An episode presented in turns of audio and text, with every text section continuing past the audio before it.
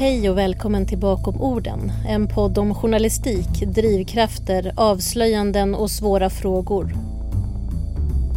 Jag heter Linnea Wannefors och i varje avsnitt träffar jag journalister, både kända och mindre kända. De som står bakom orden vi hör, ser eller läser varje dag. I det här avsnittet samtalar jag med journalisten, programledaren och författaren Kattis Ahlström som arbetat med tv och radio i mer än 30 år men också hunnit med att vara både redaktör och skribent. Här pratar vi om det här med att vara folkkär och att hon alltid har kallats Kattis. Vi pratar om hur hon aldrig trivdes i den granskande journalistiken och hur det var att byta sida. Vi pratar också om hur journalister borde bli bättre på att lägga örat mot marken och lyssna och hur lätt det är att bli fartblind. Dessutom blir det också en hel del skratt. Här kommer min intervju med Kattis Ahlström. Nu tror jag det funkar va? Ja men jättebra. Hej! Ja, hej! Jag har haft superotur med, med massa telefoner idag så det var så här, jaha, den här också, tänkte jag. Jaha, nej, men nu gick det bra ser du. gick det bra. Hur är läget med dig idag Kattis? Jo men det är bra med mig tycker jag. Jag mår, eh, ja, jag mår bra. Du... Jag sitter hemma och skriver och eh, det är en bra dag att skriva för det är inte så här jättefint väder så man behöver inte få panik för att man sitter inne. Nej, och inte får komma ut, nej precis. Men Nej. vad är det du skriver på nu för någonting då? Nu skriver jag på en bok till Storytel som ska vara klar här om ett par veckor. Overkligt nog. Mm. Hur känns det då? Är det, är det pressat eller är det, är det lugna puckar? Nej, ja, lugnt är det ju inte. Men jag försöker inte känna press för då blir det inget bra. Då skriver man dåligt. Det vet ju du säkert. Så att jag försöker att ta det lite lugnt ändå. Och jag tycker framförallt att det är väldigt kul. Men det är det här med att liksom knyta ihop slutet som alltid är det svåra. Ja, visst. Alltså precis att få cirkeln att gå ihop liksom. Ja, Mm, precis. jag förstår. Det är inte bara att sätta punkt och konstatera att och en fortsättning följer i nästa rapportering. ja, det vore ju jätteskönt. Men du, Cliffhanger. Mm. du har ju alltid kallats Kattis med alla. Ja. Varför blev det så? Ja, men vad, hur är det med smeknamn egentligen? Hur kommer de till? Ja, men jag tänker med alla, alltså, även liksom personer som kanske inte känner dig och är du riktigt du Ja. med dig. Ja, faktiskt konstigt, men jag, jag har verkligen aldrig använt Katarina. Jag vet när jag typ var, jag fyllde 40, då tänkte jag så nej, det här blir löjligt. Jag kan ju inte kalla mig för Kattis, det går ju inte. Så då försökte jag själv att använda Katarina, men jag är så obekväm med det och alla andra också så att det skrattades bort och så kom det tillbaka igen. Kattis. Det kanske passar mig bättre, jag vet inte. Förmodligen är det väl så. För du brukar ju beskrivas som, som väldigt folkkär. Ehm, kan det ha med det att göra och vad i så fall ligger i det här att vara just folkkär? Ja, alltså det tycker jag är sådär, det är verkligen upp till andra att bedöma. Jag vet inte någon som kallar sig själv för folkkär, eller kanske det finns, men jag, jag tycker jag kan bara se vad jag tänker om andra som är folkkära och det handlar väl om att ha fått någon slags ehm, kontakt eller någon slags eh, relation tror jag till sina, om det nu är tittare eller publik eller så här. Eh, och möjligen också att eh, det jag i alla fall får höra och som jag kan känna igen hos mig själv i alla fall. Sen om det är folkkärt vet jag inte men tror det kan handla om att man är sig ganska lik eh, som privatperson och där man är när man har en publik framför sig. Mm. Inte glappet, gapet är så stort liksom. Nej, precis. Men är det inte svårt att, ehm, att liksom skilja på det här personliga och privata? Eller känner du att du liksom har så att du kan särskilja på det? Ja, ehm, det tycker jag. Fast jag är mig nog ganska lik faktiskt. Sen är det vissa saker som alltid kommer vara, som är väldigt privata för mig. Som jag alltid har varit väldigt noga med. Så jag liksom har ganska stor integritet ändå kring, liksom, ja, om det nu är intervjuer eller saker som jag skulle ha varit med om under åren. Så har det varit viktigt för mig. På det sättet är det viktigt för mig att få ha min familj i fred och mitt privatliv i fred och så. Men min person tror jag är ganska lik liksom i, i det offentliga och privata. Har det varit svårt att hitta den balansen, tycker du? Ja, men jag, jag vet inte om jag tycker att det har varit så svårt. Jag tror att eh, dessutom tror jag att jag fick lite hjälp med den av... Jag hade en väldigt bra person som jag arbetade med. Jag började så tidigt på TV, jag var så ung. Jag var bara 22 eller sånt där. Så att, och det är ju väl, då är man ju fortfarande nästan ett barn faktiskt. Och då, så, då tror jag att det var, hade varit lätt att eh, kanske sväva iväg i någonting som inte riktigt är, är jag. Om inte jag hade haft, jag hade väldigt bra stöd omkring mig. Jag hade en, en producent som jag jobbade jättenära som hette Bosse Renberg som jag hade väldigt mycket stöd i. Och han påminde mig hela tiden om liksom så att ja, att vara i mig, liksom, att inte sticka iväg allt det där som har med offentlighet att göra som, som det så lätt blir, liksom, att man tackar ja till allt och att man tappar sin magkänsla och man tappar sin person på något sätt. Sin kärna liksom. För. Ja, precis. Mm. Så. Förutom att skriva, som du sitter hemma och gör just nu, så du hänger en hel del på SVT också, eller hur? Mm. Vad gör du där då? Eh, jag bara hänger runt och ser om det finns något eh, Nej, men jag eh, är... Jag gör, eh, just på SVT, jag jobbar ju ganska mycket utanför och lite för SVT Göteborg, men jag gör ett program som heter Seniorsurfarna som vi har spelat in precis, där vi lär äldre människor eller människor som är, inte har förstått riktigt hur man tar sig in på nätet och hanterar sina mobiltelefoner. Eh, så då har vi en grupp eh, kända människor som får lära sig det på en liten kursgård en vecka. Det är väldigt kul. Så det är ett program jag gör. Ja, det skulle ju bli ett, alltså ett, du vet, ett ganska klassiskt UR-program där man lär ut ja, du vet, verktyg så att man kan lära sig hantera det här. Men det har ju visat sig bli både det och ganska mycket humor så att det, det har blivit rätt roligt det här programmet. Så det gör jag och sen har jag gjort Arvinge okänd, det har vi pausat nu eftersom det har varit pandemi och sen gör jag ett program som heter Muren på lördagar på SVT på vårarna. Mm. Du har ju gjort ganska mycket allt möjligt genom åren. Du har skrivit, gjort tv, radio, varit programledare, chefredaktör. Alltså, om man tänker journalistiskt, var trivs du bäst? Ja, du, jag skulle nog säga att eh, det där är nog ganska så specifikt för mig just att jag har, jag har en ganska stor bredd. Jag tycker att det är fantastiskt roligt att vara på radion. Jag hoppade in för på Nordegren och Epstein här för några veckor sedan och tyckte att det var fantastiskt att vara tillbaka på radion. Så jag tycker alla, alla olika etermedier har sin charm. Så jag tycker liksom, radion är befriande för att du är mycket friare. Och eh, man behöver inte tänka på bilden, man behöver inte tänka på det så mycket som man slipper. Liksom. Så det finns någon, någon renhet i det som jag tycker jättemycket om. Eh, och sen har ju tv sin komplexa liksom med, med att man kan med bilder och musik och det kan bli mycket rikare och kan vara fantastiskt på sitt sätt. Och så skrivandet som är en helt annan genre. Liksom, så att det passar mig så bra att hoppa runt lite bland de här faktiskt. Och eftersom jag har haft turen att få göra det så så är jag glad för det faktiskt. Mm. Men hinner du stanna upp och, och tänka liksom under karriären eller har det gått liksom i ett i ett i ett i ett att du hoppar från det ena till det andra som du säger? Ja, men jag har nog mina pauser ibland. Jag får tänka efter. Vad håller jag på med? Vad gör jag? Eh, vart är jag på väg? Så jag kan förstå att det verkar som att jag, att jag bara yrar runt och hoppar på allt möjligt. Jag, jag har alltid haft ett ganska högt tempo men sen händer det typ eh, men i alla fall en gång om året där jag liksom ändå stannar upp och tänker nu ska vi se vart, vart är jag på väg nu. Och så, så blev det ju nu med att jag börjat skriva lite för det har jag inte gjort liksom i, i någon sån stor utsträckning förut. Så det var väl ett sånt här tillfälle jag kände att men jag, vill, jag vill göra det mer. Så, ja, jag försöker stanna upp ibland. 2012 blev du generalsekreterare för Barns rätt i samhället, BRIS.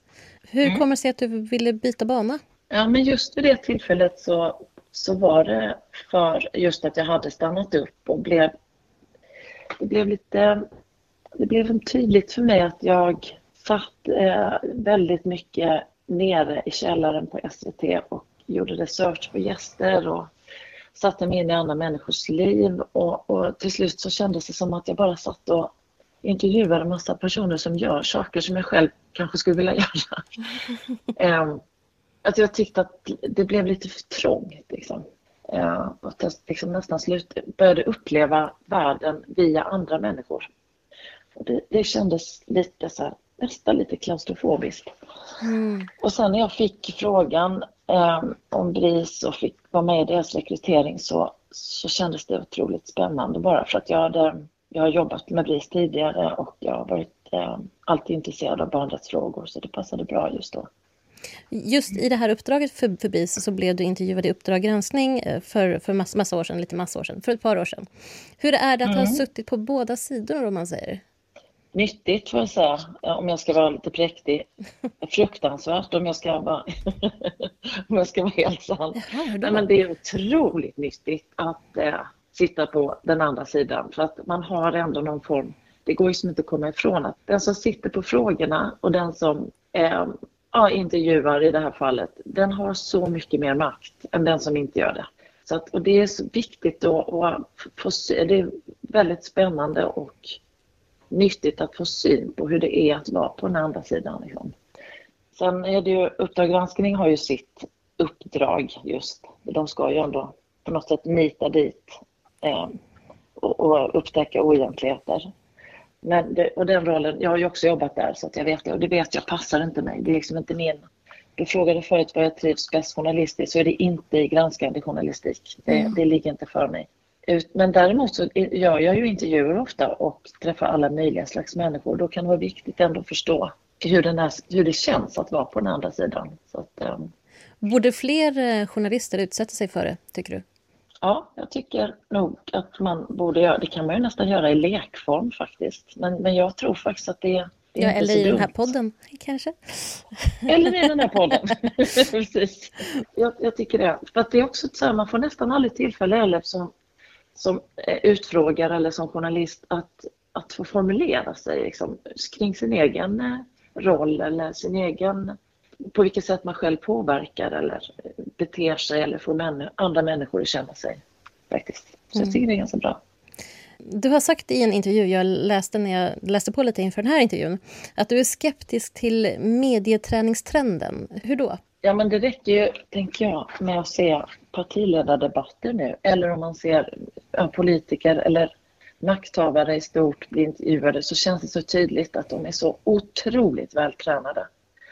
Och jag vet, det var inte så länge sedan vi gjorde, när SVT fyllde, kan de fylla 60, mm. så gjorde vi, jag tittade lite i arkiven och då tittade jag på såna, du vet, de, de, de samhällsprogram som gick tidigare, de här tre orna, det kanske är för, för ung för att komma ihåg dem, men ja. Ja, men alltså journalistiken tidigare såg ju helt annorlunda ut. Där man inte alls var förberedd på samma sätt och där det blev mycket mer naturligtvis autentiska svar. Medan nu så är ju många så otroligt skickliga och, och jag tror att i slutändan så urvattnar. Vi har ju ändå en uppgift att upplysa människor. Det är också en del av vår demokrati, liksom att, att vi ska förklara och fördjupa och, och så vidare. Och sitter den som blir intervjuad och är så väldrillad så att de kan slippa undan vilka frågor som helst, vilket ju faktiskt händer ibland. Då, då tror, jag, tror jag att det kan urholka mycket. Mm. Tillbaka till journalistiken. För du började 1992 med underhållningsprogrammet 7 9 i SVT som du ledde tillsammans mm. med Claes Åkesson. Hur hamnade du där?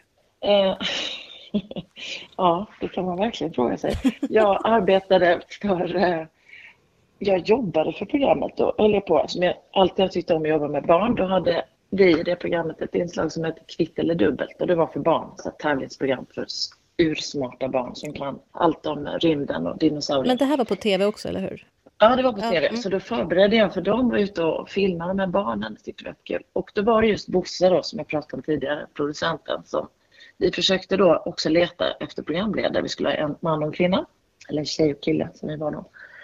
Eh, och vi höll på och ja, testa massa och han var inte nöjd. Och sen till slut så sa han, nu får du, nu får du gå ner i källaren och så får du intervjua. Det var någon från sporten eh, som jag skulle intervjua där nere. Och jag var liksom inte alls speciellt motiverad, men jag gjorde det. Eh, och eh, sen blev det bra på något sätt, eller ja, tillräckligt bra. Och jag, jag lovar dig, det kanske var en månad innan vi hade premiär på programmet. Och då så sa jag att jag kan göra det ett halvår tills vi hittar någon annan. Och ja, så trovärdig var jag, för nu har det ju gått, ja, har det gått 30 år. X antal år. Men kan ja. du tänka tillbaka på just det här, just den händelsen som faktiskt som gav ditt liv en, en riktning, kanske en ny riktning till och med? Att det blev liksom avgörande på något sätt? Eh, ja, det kan jag. Jag kan tänka tillbaka på det eh, med både glädje och lite sådär, ja, för det, eftersom det är märkligt när det blir lite så slumpartat och samtidigt har jag förstått att det gäller många människor. Det här bananskalet pratar ju jättemånga om. Att, eh, alltså vissa har ju verkligen stakat ut sin framtid och vet precis vad de ska göra men andra som famlar runt lite så tror jag det är ganska lätt hänt att det blir så ja, det blev läge och så. Men, det blev det som det blev. Ja, ja, precis. Exakt. Men du höll på att filma inför den här frågesporten innan. Så vilket var ditt första journalistjobb? Eh, det första jag gjorde var hos Robert Aschberg, Robert Aschberg. Då var jag eh, researcher där och sen så var jag, blev jag producent för hans program. Jag har läst att, att du tjatade till det jobbet som redaktör. Eh, när jag tjatade mig till att överhuvudtaget vara där. Så det första jag fick göra där var att eh, ta upp ljud på, med en sån här låda på magen. Mm. Och så fick jag någon snabbkurs i ljud och sen jobbade jag på bil. Nej, det allra första var att jag fick köra runt bilar i stan faktiskt till ett bilprogram. Hämta och lämna bilar tyckte jag var toppen. Mm. Eh, bara för att komma in där liksom. Och sen så på den tiden så så hade man ju möjlighet att få bara ligga nästan på fällsäng och bara sitta med och lära sig. Det var rätt häftigt. Men det är visste inte lika du... lätt idag. Nej, det är definitivt inte lika lätt idag. Visste du då att det var liksom tv, att du drog dig till de miljöerna?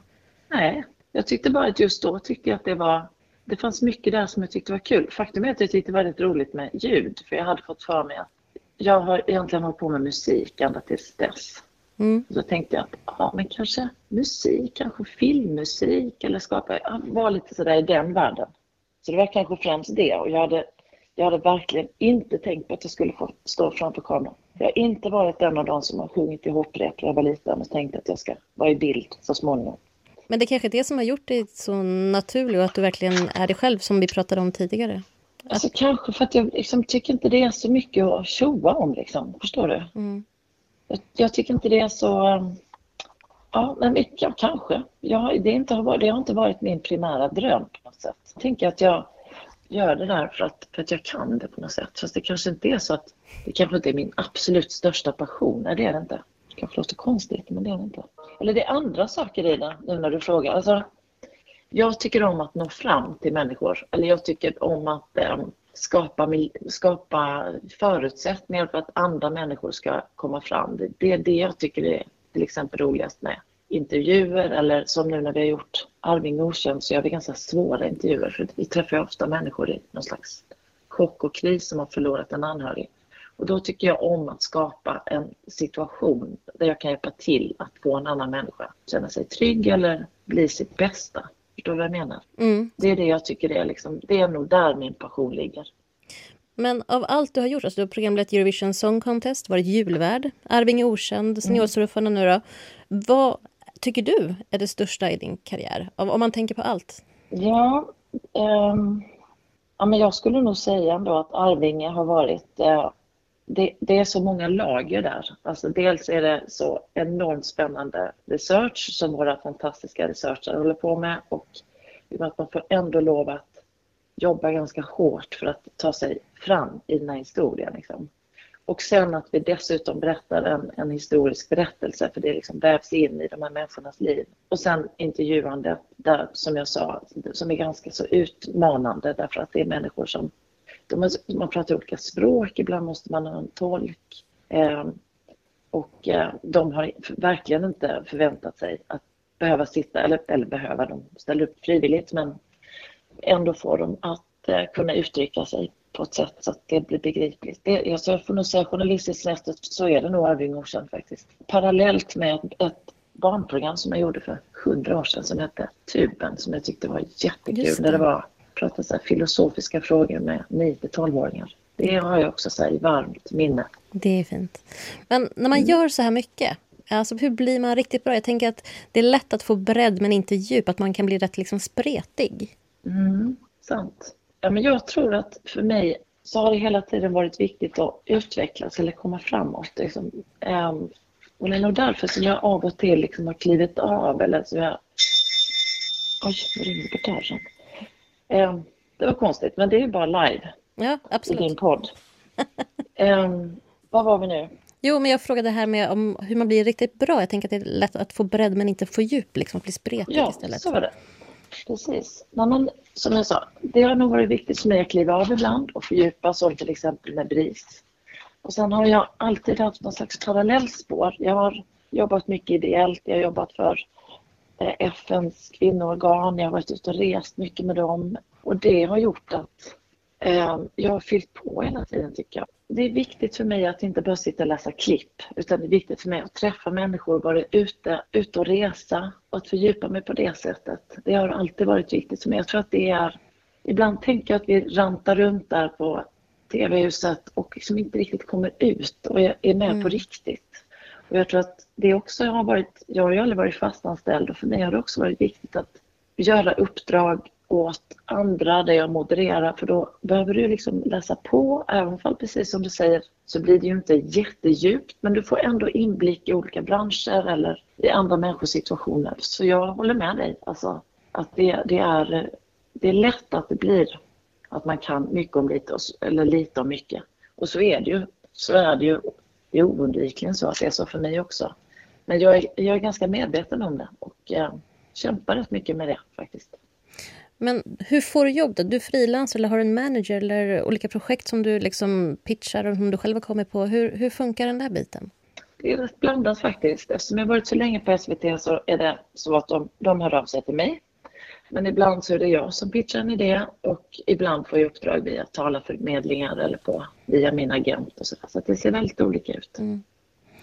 Eh, en annan fråga jag kom på angående det här med att hoppa mellan olika saker eller göra massa olika saker ha, mycket, ha många järn i elden. Är, är du inte mm. rädd att det ska påverka ditt förtroende som journalist? Jag tänker att man, gör, man går över till informationssidan eller till någon organisation och sen tillbaka till journalistiken. Förstår du hur jag tänker?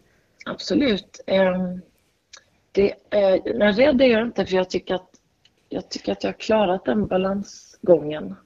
Det som möjligen jag tänkte när jag var, gick över till BRIS var ju att det möjligen skulle påverka framtiden men uppenbarligen så en ideell organisation är ju inte samma sak som att gå till ett superkommersiellt bolag, tänker jag. Och hade jag varit informationschef och sådär på något större företag, då tror jag att det är svårt att gå tillbaka igen. Eller kommunikation eller informationschef, då tror jag man får ta det, fatta det beslutet och ta, det är ju många som har gjort det. Mm. Och ibland någon gång har jag varit för många år sedan så var jag på fyran och jag har varit en sväng på trean också för den delen och då var jag lite så rädd att inte få komma tillbaka till SVT igen, för det är ändå min basecamp har jag ju förstått med åren. Liksom. Mm. Men eh, så, så visst, eh, men i övrigt så, så känner jag inte mig rädd för det och jag tycker ändå att jag vet ju att det inte var okomplicerat när jag hade, jag kom direkt ifrån stora Eurovision Song contest och, och klampade in på Uppdrag granskning.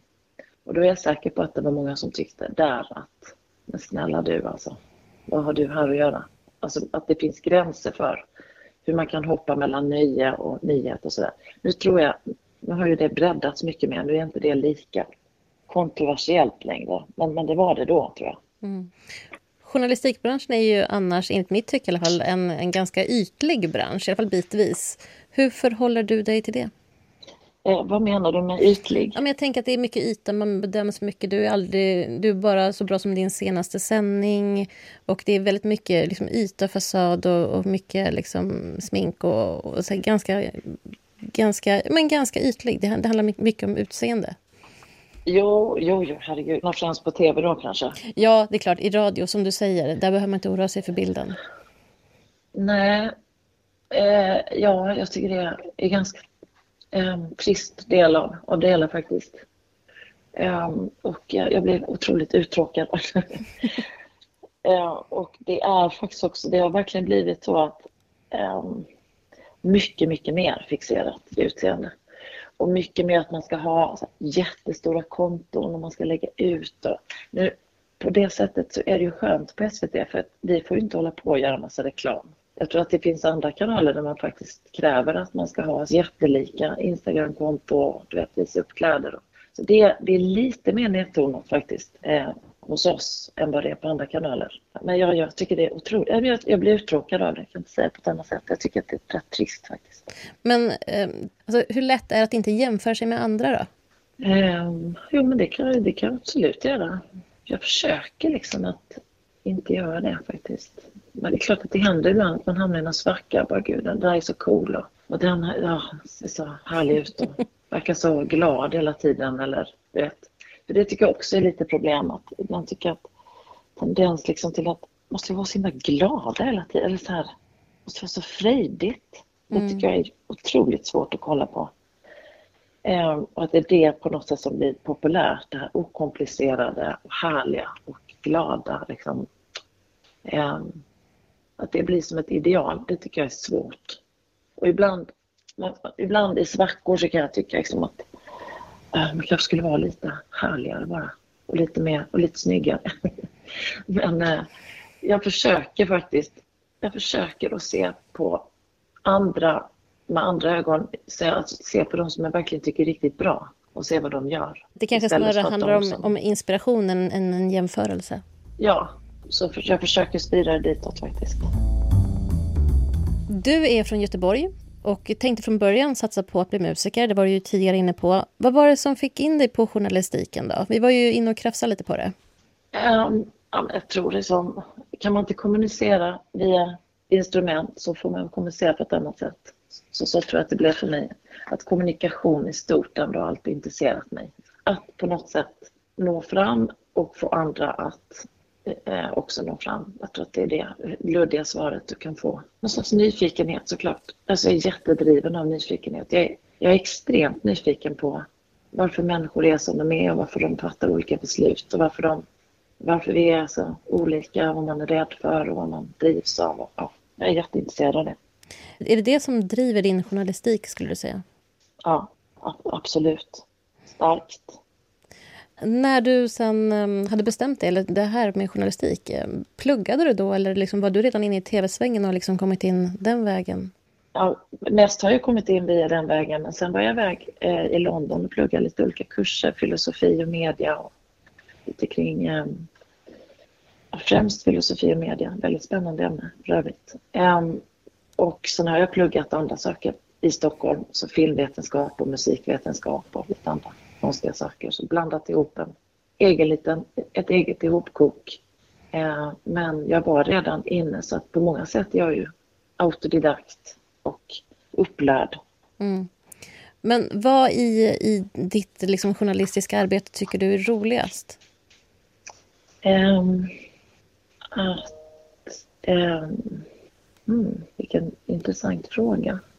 Jag tycker... Uh, ja, men, uh, det ser som jag...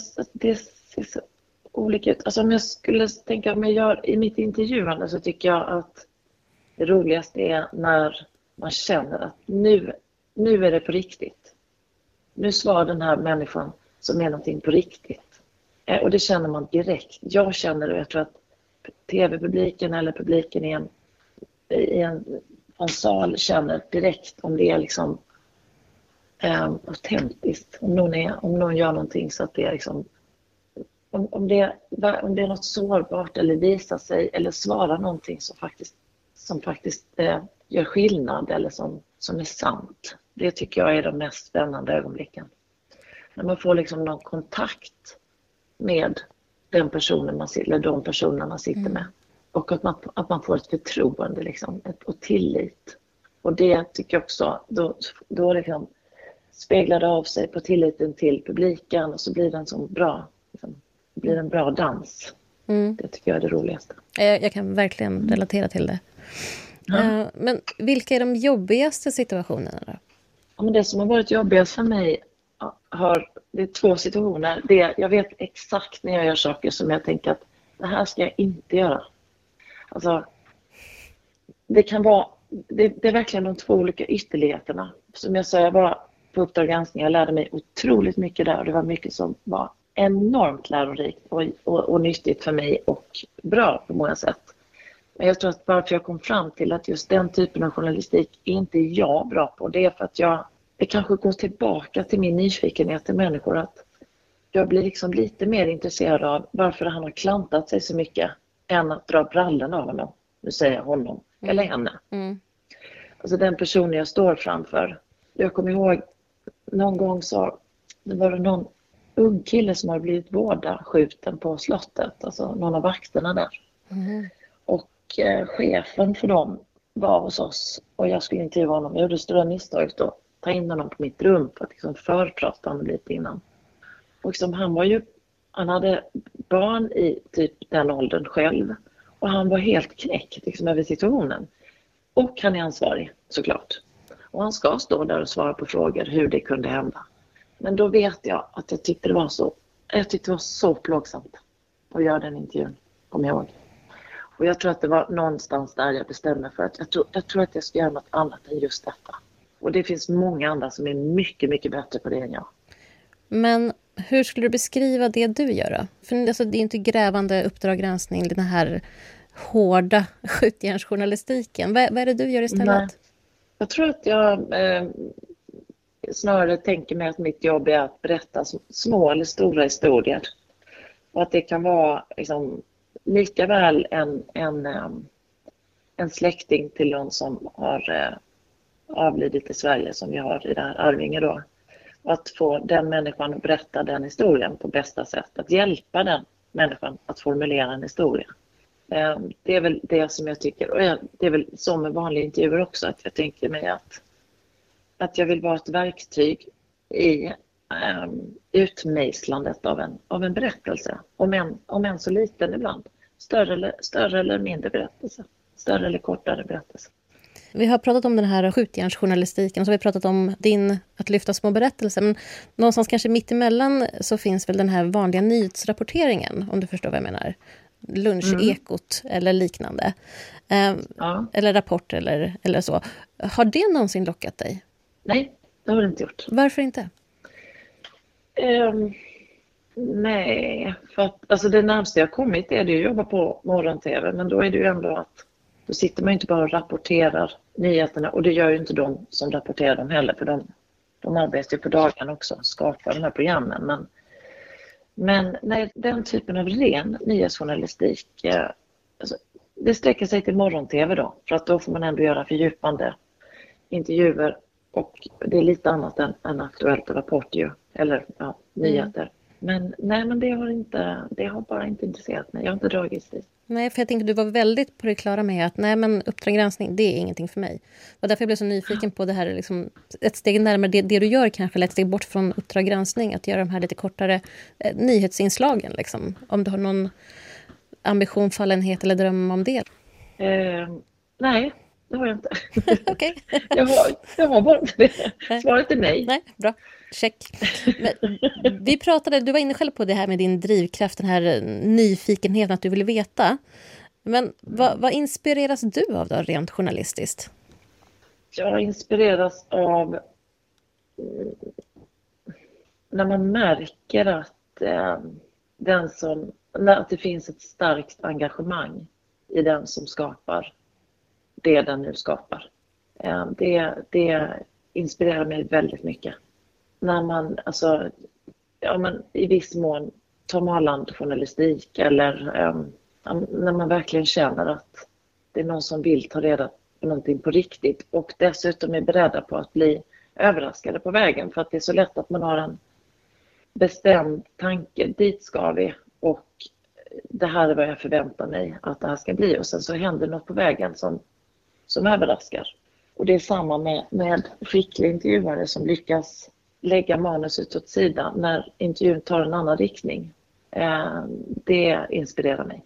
Och, de som lyssnar och är beredda på att bli, eh, att tänka om eller att eh, få en fördom ja, motbevisad. Hur mycket tar du del av journalistik? Jag tänker lyssnar, läser eller tittar på olika sätt. Ganska mycket ganska mycket tycker jag ändå. Eh, så jag, dels, jag läser mycket, jag läser tidningar, jag, jag ser mycket, jag tittar på dokumentärer och tycker ändå att det är ganska mycket av det. En sak jag har tänkt på när jag har, har sett dig genom åren och hört dig också är att det känns som att det finns en, en stor portion humor i det du gör. Förstås lite, lite självironi att kunna bjuda på sig själv men också liksom att, att se kanske inte de hårdaste, svåraste situationerna med, med glimten i ögat, men många situationer med glimten i ögat. Eh, vad säger mm. du om det? Jag är glad att du ser det.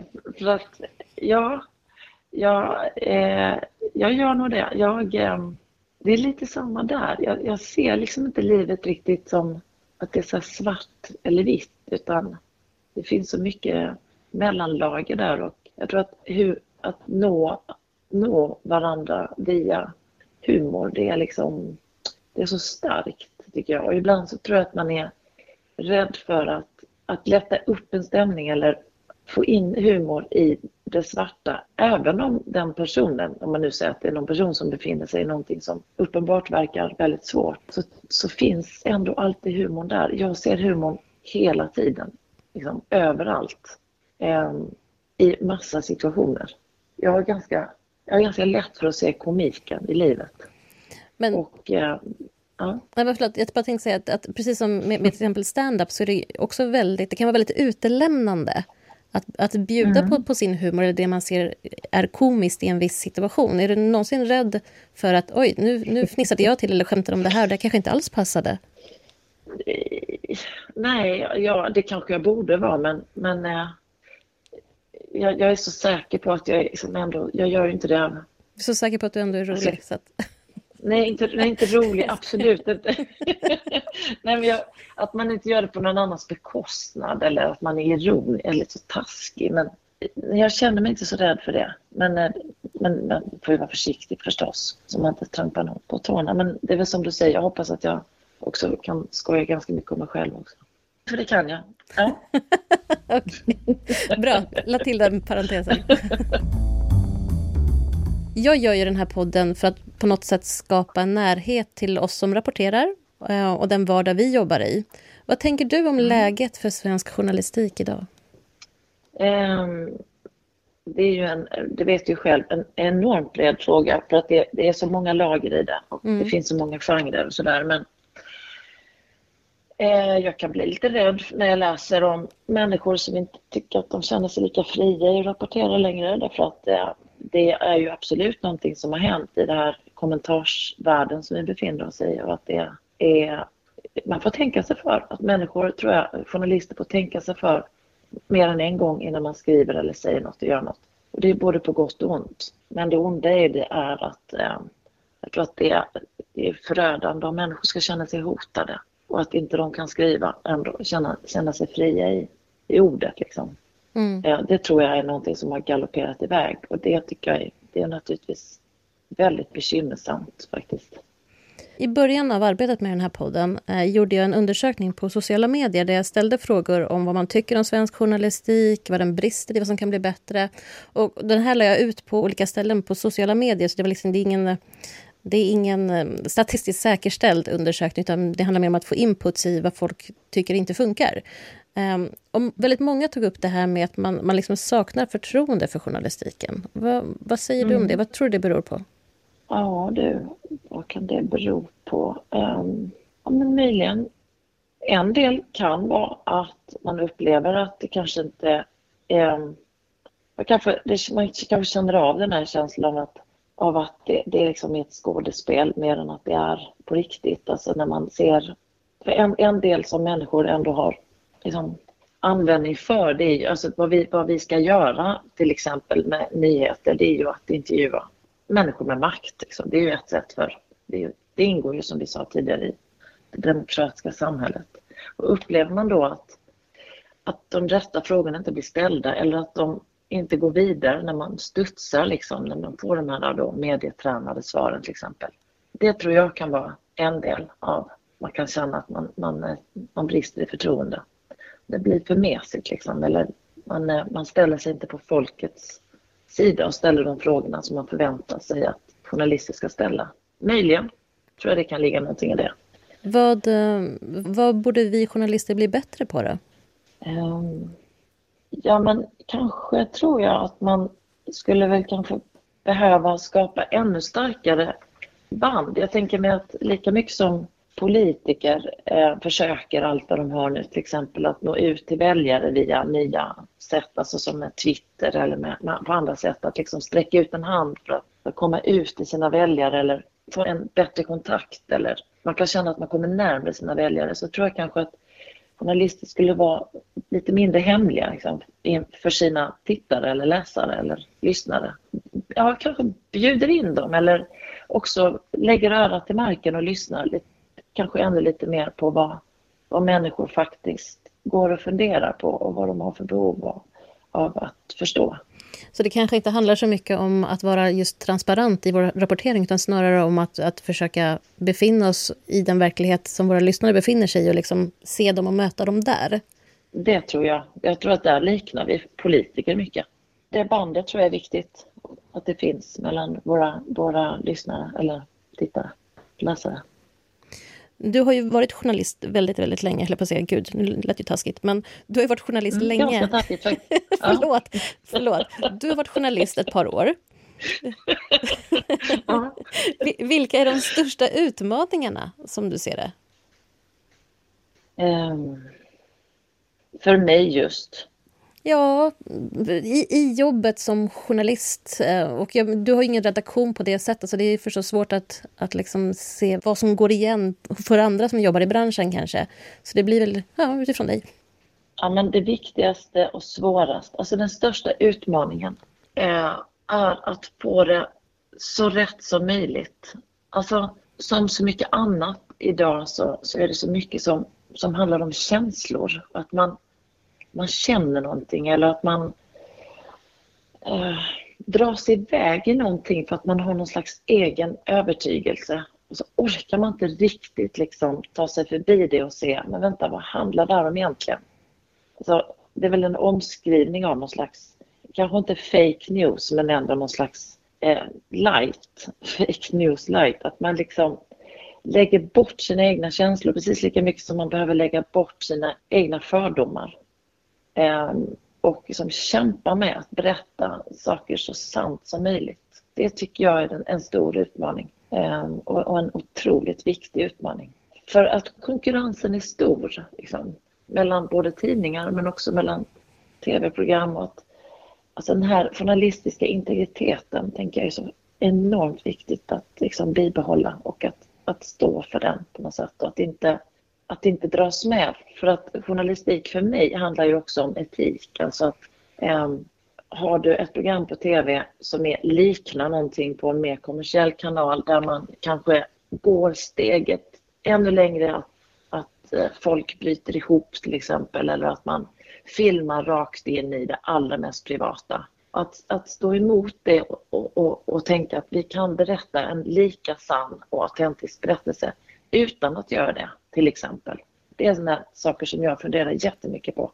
Alltså hur håller, bibehåller vi etiken och hur, hur vill vi närma oss andra människor utan att för den sakens skull att de ska behöva bli så utlämnande som många blir idag, tycker jag. Det handlar om att ha lite integritet i sin egen journalistik eller i, i journalistiken ja. på något sätt. Ja, verkligen. Men, verkligen. men kan det vara så att, att kraven, om man säger från våra tittare, läsare, lyssnare har, har liksom ökat, eller ändrats kanske till och med. Just att man, man, man kräver sånt, alltså med allt det här med reality-serier och sånt som liksom kommer väldigt nära inpå och ger det här nakna, avskalade, råa också har liksom färgat av sig in på journalistiken. Så man har liksom den... Det är det man förväntar sig, det är det man vill ha. Ja, um, jag tror att det kan vara så att man har vridit på liksom den man har skruvat upp liksom nivåerna på något sätt och då förväntar man sig det. Men, men jag kanske inte lika sagt att man ska säga att, att det är det de vill ha. Men vi har ju som skapat den vanan man förväntar sig. Men ähm, herregud, får man inte se mig nu? Får man inte höra det här jättebråket till exempel? Men, men då tror jag att det är faktiskt vår uppgift då att tänka till. För att hur kan vi göra det lika spännande, lika bra utan att göra det? Och det går. Det går. Fast tar lite längre tid och kräver lite mer tankemöda men jag är 100% säker på att det går att göra. Är det någonting vi liksom behöver jobba tillbaka, alltså ta ett steg tillbaka där kanske och eh, kanske välja en annan riktning men att man liksom backar tillbaka från att, man, att stå så nära den gränsen utan att liksom backa tillbaka och få ett, ett bredare perspektiv på något sätt? Ja, alltså jag, jag tycker det. Jag tycker absolut det, för ibland kan man ju känna så här, vad ska det, alltså vad ska det sluta någonstans? Och jag vet inte, det är väl ingen som har sagt att vi, någon, vare sig de som deltar eller tittare mår bättre av det eller att det, blir liksom, att det ens blir bättre eller att det blir ja, mer verkligt. Jag, jag tror absolut att vi skulle behöva stanna upp Nu gjorde man väl det, var det Big Brother eller vad var det som, mm. jag glömt bort det. Just det. det var, ja. ja, det var väl det. Där, mm. Ja, men där faktiskt äntligen liksom ändå deltagare börjar reagera.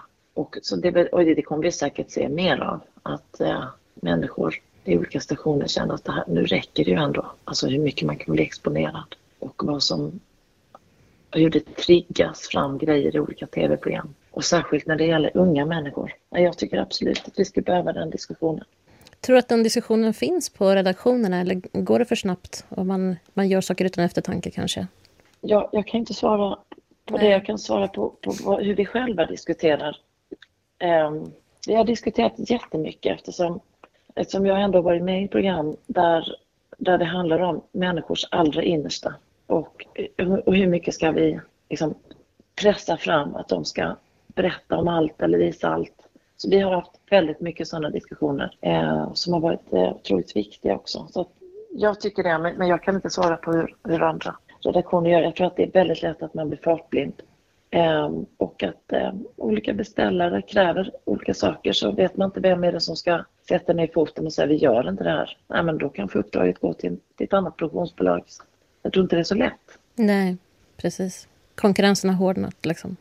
Mm, det har den verkligen. Ehm, den här intervjun börjar lida mot sitt slut. Vad, mm. vad ska du göra efter att vi har lagt på? Ska jag fortsätta skriva. Känner du dig eh, redo att sätta fingrarna mot tangenterna? Eller var det här ja, det gör jag. dränerande? Absolut. Nej, tvärtom. Jag tyckte det var väldigt kul att vara med. Jag tyckte det var ovanligt liksom, viktiga, spännande frågor att få försöka, försöka prata kring. Det, det är komplicerat, så det är, det är roligt att försöka sätta ord på det. Ja, vad kul att höra. Jag håller med. Det har varit ja. energigivande.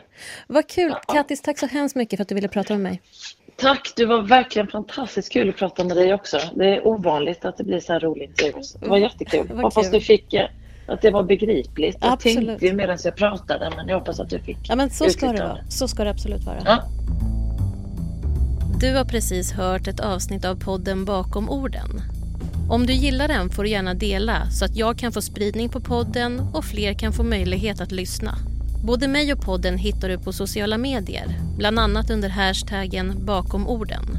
Lämna gärna en kommentar eller ett önskemål om en framtida gäst. Vi hörs.